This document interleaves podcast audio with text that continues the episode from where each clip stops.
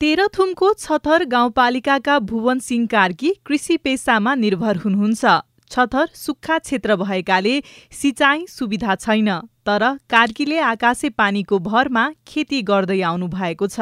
आकाशे पानीको सङ्कलन गर्नको लागि प्लास्टिक पोखरी एउटा राखेको छ अनि त्यो पोखरीमा आकाशे पानी जम्मा हुन्छ अनि त्यही पानीले खेतीहरू गरिरहेको छु। तेह्रथुम मात्रै होइन पाँच थर ताप्लेजुङ दाङ लगायतका जिल्लामा पनि आकाशे पानी सङ्कलन गरेर सिँचाइ गर्ने किसानहरू पनि थुप्रै छन्। हामी आकाशको पानी जो गर्दैछौँ यो पानी हामीहरूले पानी पर्दा гаргуц тин тин тингу पानी परेको बेला बग्छ नि। हो त्यो पानीले चाहिँ अब पानी परेको बेला बगेको पानी सिधै लाउँदा बालुवाहरू पोखरीमा पस्छ।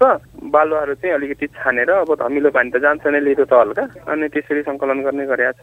नेपालको कुल भूभागको सत्र लाख छैसठी हजार हेक्टर क्षेत्रफल सिँचाइ योग्य भए पनि दस लाख हेक्टर क्षेत्रफलमा मात्रै सिँचाइ सुविधा पुगेको छ। सात लाख हेक्टर जमिन अझै सिँचाइको पर्खाइमा रहेको छ भने नौ लाख हेक्टर जमिनमा आकाश आकाशे पानीकै भरमा खेती भइरहेको छ।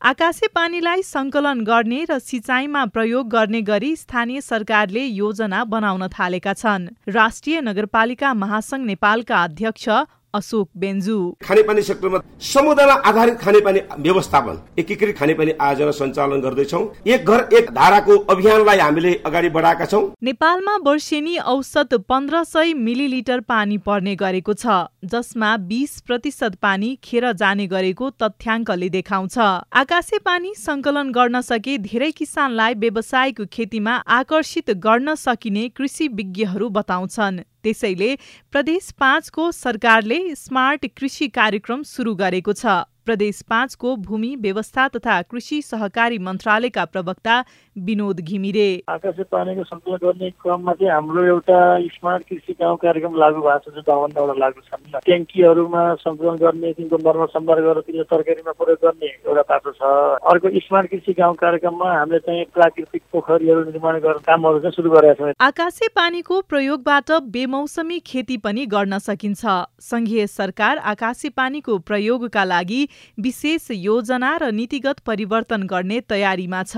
जलस्रोत ऊर्जा तथा सिँचाइ मन्त्री वर्षमान पुन। सानो स्केल भनेको चाहिँ हामी छानाबाटै गर्ने हो अलिक ठुलो स्केल भनेको ताल तलैया निर्माण गर्ने हो। त्योभन्दा ठुलो स्केल भनेको ठुल्ठुला रिजर्वायर बनाउने हो जसबाट खानेपानी पनि हुन्छ सिँचाइ पनि हुन्छ सबै बर्खे पानी जम्मा गरेर अरू हाम्रो थुप्रै आयोजनाहरू बर्खाको पानीलाई सङ्कलन गर्ने।